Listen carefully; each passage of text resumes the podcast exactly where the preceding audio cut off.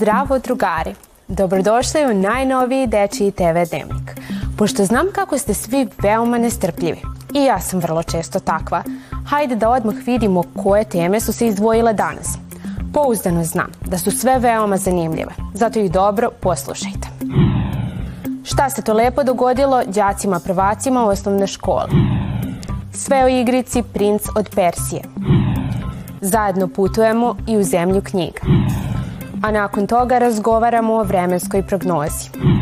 Verujem da kad bih svakog od vas pojedinačno pitala šta vam se lepo desilo u poslednje vreme, prosto ne biste znali šta pre da mi kažete. E pa isti je slučaj bio i s mojim dobrim prijateljima, đacima prvog razreda osnovne škole Đorđe Natošević. Toliko su mi lepih stvari ispričali, a da vam ih ja sad ne bi prepričavala, poslušajte njihove lepe vesti, direktno od njih. Da sam Videla u boravku svoje drugare koje dugo nisam videla. Ima već tri meseca od kad sam se priključila horu Dečijeg operskog studija Srpskog narodnog pozorišta i, pu, i dosta smo nastupali. Što sam skio na Zlatiboru. Slavila sam bila rođendan s mojim drugaricom. Smo pre neki dan išli u Beograd i da smo tamo išli na tvrđavu. Išla sam sa drugaricom u bioskop. Moj sestri je bio rođendan, pa te, za mamom i tatom i sa drugarima sam e, išla u, naš, u Španiju. Ja sam išla na selo i naukila sam svoj, svog brata da kaže tata. A 9. februara ćemo imati naš samostalni koncert Mali operski bal u Srpskom narodnom pozorištu, pa ko želi da nas gleda, dobrodošli. Za sve fanove igrice Prince od Persije imamo lepe vesti. Izašlo je novo izdanje ove igrice posle čak 14 godina. U narednoj priči ćete saznati kako je izgledalo kreiranje novog izdanja ove igre, ali i ko je sve učestvovao u tom procesu. One of them would become a legend. Igrica Princ od Persije i Iskupljena kruna dobija svoje novo izdanje posle 14 godina. Kreator igre navodi da je bilo prilično izazovno prilagoditi ovu igricu modernom vremenu.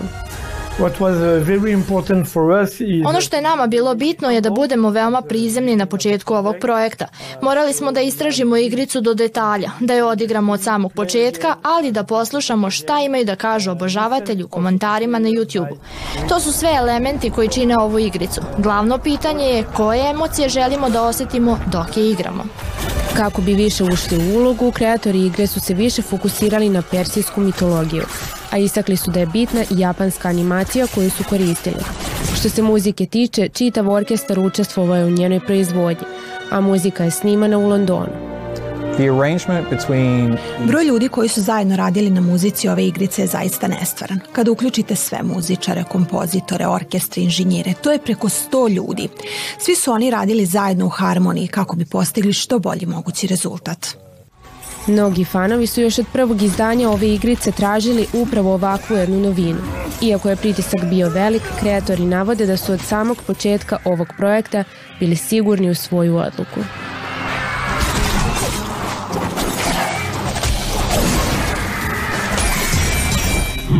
A sada je vreme da se svi zajedno spakujemo i otputujemo u zemlju knjiga. Kad kažem spakujemo, mislim naravno da ponesete sve svoje najbolje knjige. Jer gde drugde da možete otputovati sa Vukom Sečevićem nego u biblioteku? U narednih nekoliko minuta ćete saznati koje knjige treba da pročitate u narednom periodu.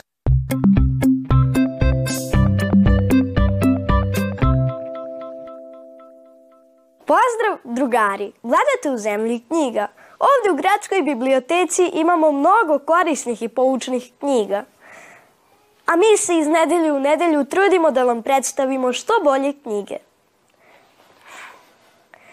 I ove nedelje ću nažalost biti bez moje sagovornice Katarine, ali i ove nedelje se pobrinula da vam predstavim knjige na najbolji mogući način. Moj prvi predlog za danas je knjiga Strah od knjige koju je napisala Suzana Tamaro. Pitate se kako vam sada predstavljam knjigu Strah od knjige. A imam nameru da vas podstaknem na čitanje. E pa ovako. Ove knjige nas ne uči da su knjige strašne, već govori o dečaku Leopoldu koji je svoj svaki rođendan dobio na poklon knjige i čitao ih je nerado. Njegovim roditeljima je to bilo jako čudno, pa su ga odveli kod lekara.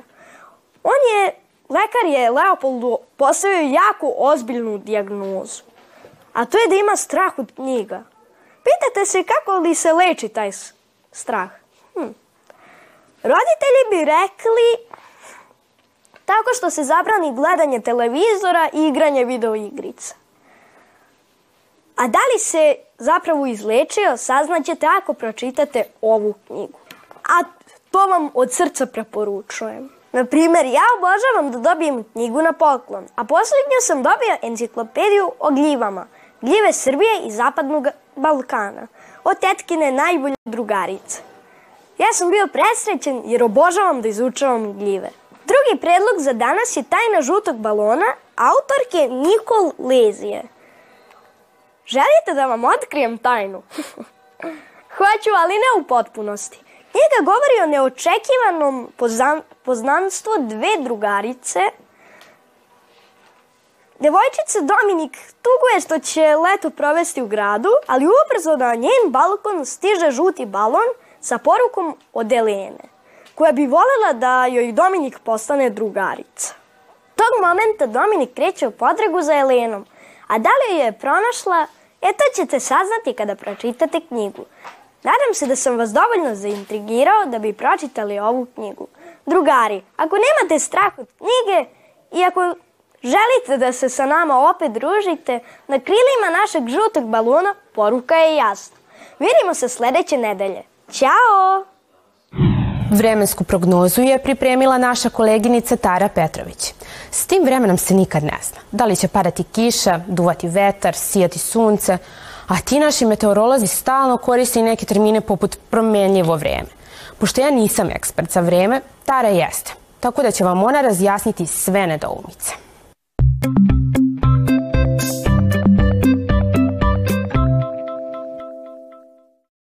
Ćao!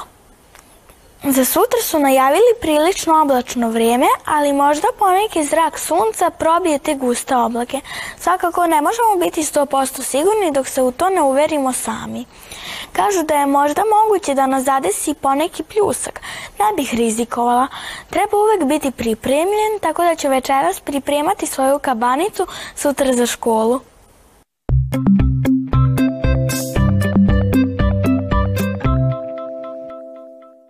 Drago mi je što smo se danas ovako lepo družili i što smo popričali o svim ovim različitim temama.